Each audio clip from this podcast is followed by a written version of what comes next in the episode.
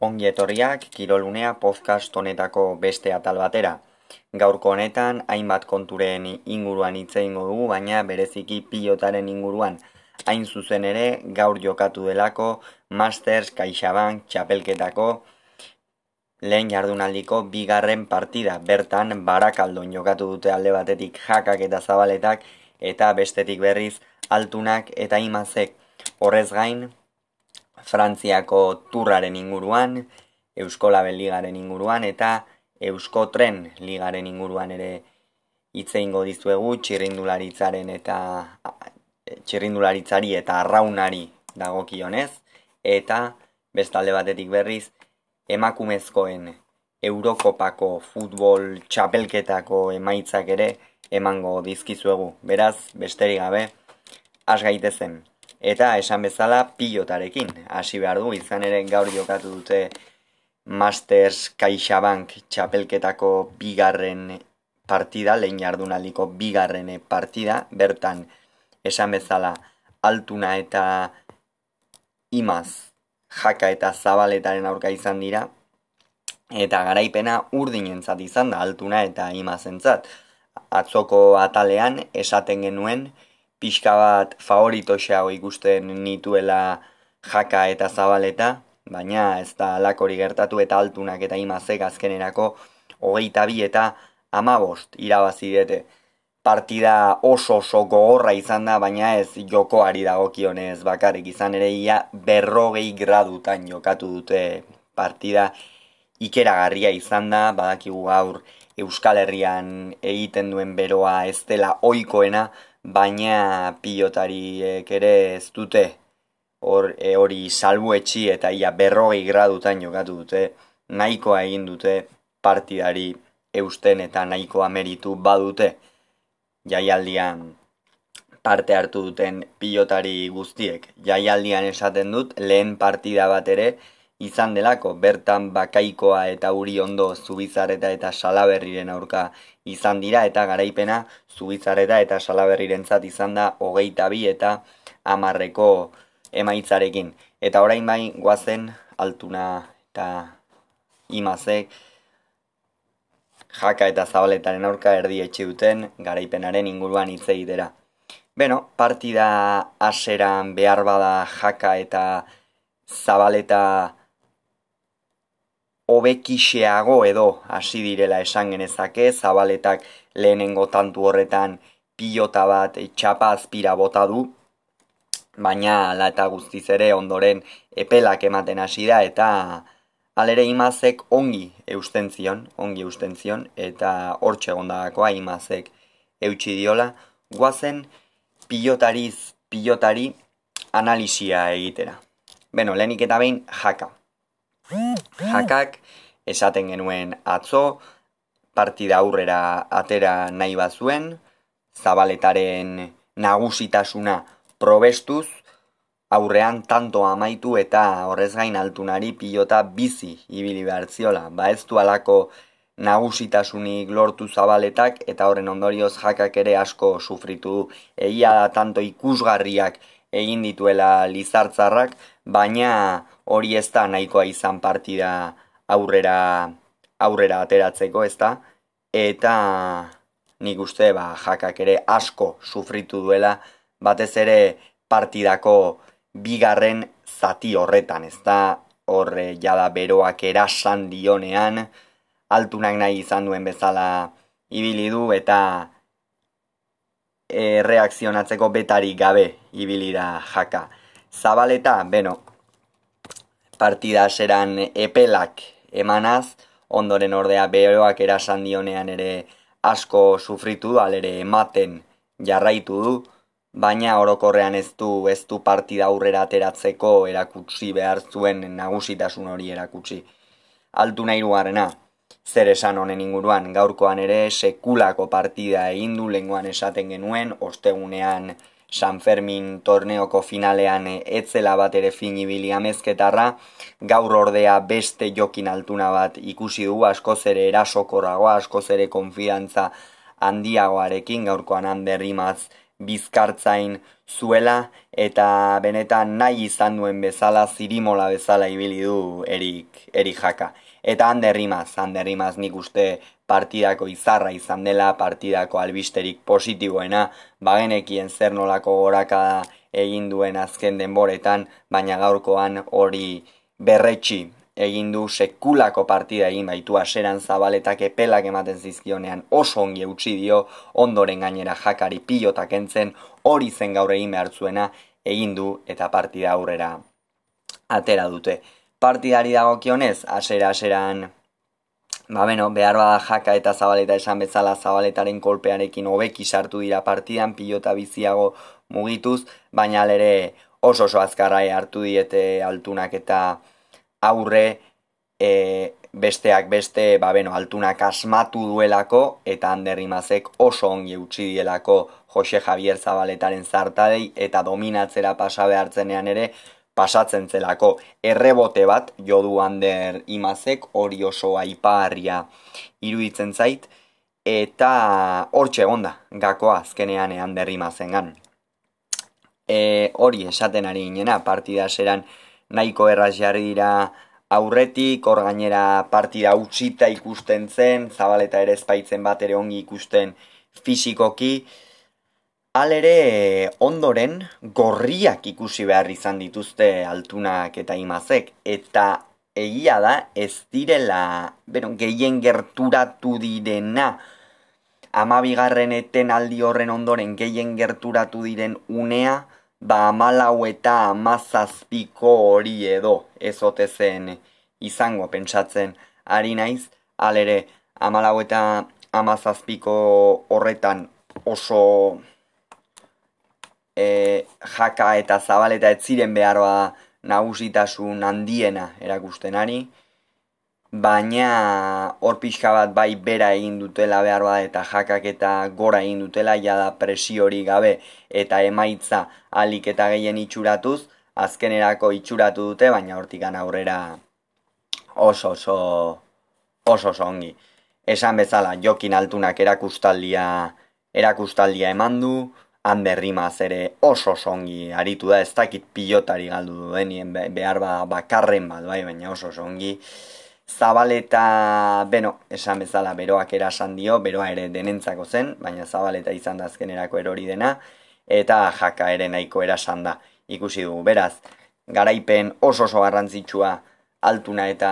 imazentzal lehen jardunaldi honetan, jakak eta zabaletak urrengo jardunalditik aurrera hasi beharko dute puntuak biltzen, esan bezala.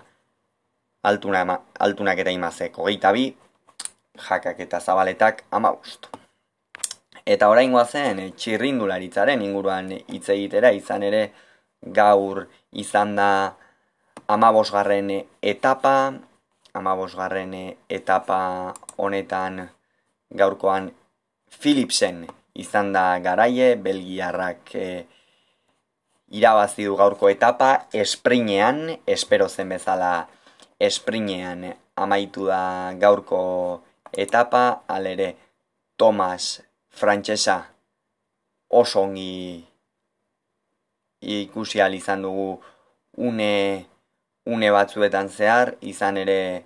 ba beno, naiz eta ez duen etapa azkenerako irabazterik izan, bosteun metror arte edo, oso oso ongi txalotzekoa izan da, zalantza izpiri gabe, erakutsi duten jarrera bi, bi frantziarrek, baina ondoren pelotoiak oso oso ongi hartua zituzten eta azkenengo zerarako ba, barrapatu dituzte, ez da. Samezala Philipsen garaie gaurko etapan, bigarren but banaert izan da, 6 segundura, eta hirugarren Mas Pedersen. Oso, barkatu ez, 6 segundura ez, esprinean amaitu daita etapa, eta sailkapen nagusiari dagokionez, inongo aldaketarik ez da izan, bine gorre jarraitzen du lider, bigarren tadeke pogatxar bi minutu eta hogeita bi segundura, irugarren Jerain Thomas bi berrogeita irura, laugarren Roman Bardet iru minutu eta segundu batera, bosgarren Adam Yates lau minutu eta sei segundura, seigarren Nairo Quintana lau minutu eta amabostera, zazpigarren Menges lau minutu eta hogeita laura, zortzigarren Godo lau minutu eta hogeita laura, bederatzigarren Pitcock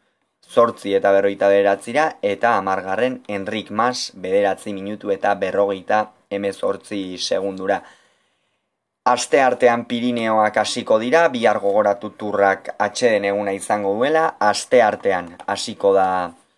Pirineoetako ibilbide hori, eta hor ikusiko duea, binegor, po, pogatxar, pogatxar, binegor, leia estu horretan, nor nagusitzen den. Bi hauen artean izango baita beste behin ere, beste urte betez, Frantziako turreko sailkapen nagusiko burruka. Eta errepidetik itxasora egin behar dugu, izan ere gaur izan da Euskola, Eusko Tren ligako kasu honetan seigarren jardunaldia, zierbenan izan da, eta horiok eraman du gaurko bandera, edinor bandera, eta lidertza sendotu du horrez gain eh, talde gipuzkoarrak, bueno, talde gipuzkoarrak, lau taldeak dira gipuzkoarrak, urola kostako taldeak, eta esan bezala, lidertza, lidertza sendotu du. Lehenengo esan bezala hori jo izan da amar minutu eta hogeita emezortzi segunduko kronoarekin, bigarren donosti arraun lagunak egin du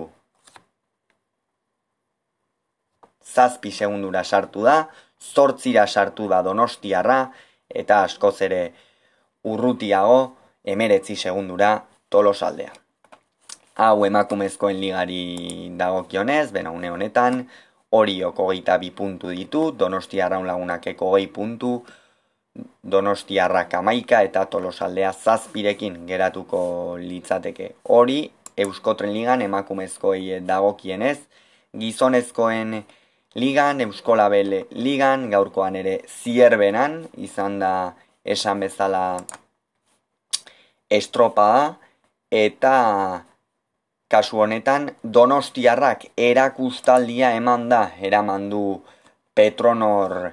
bandera, esango dugu, lehenengo txandan, hauetxek izan dira, Santurtzi, Ares, Getaria eta Kabo, lehenengo Getariak egin du hogei 0 beheratziko kronoarekin, bigarren sotera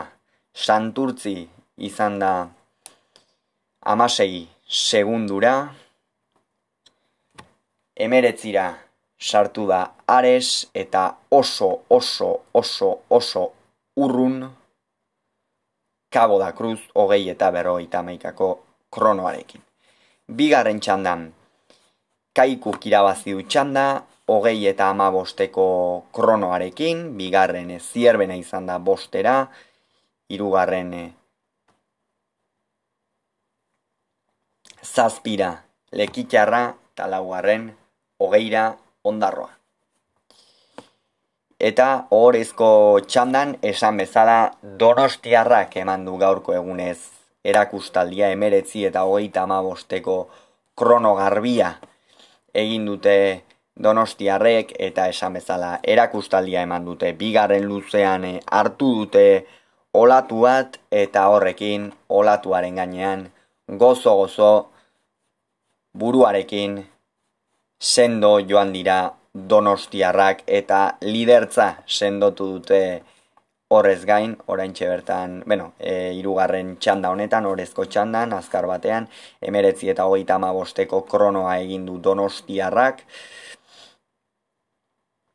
emeretzira geratu da ondarribia, hogeita bira horio, eta askoz ere urrutiago gehi zero bosteko kronoarekin bermeo urdai bai, eta,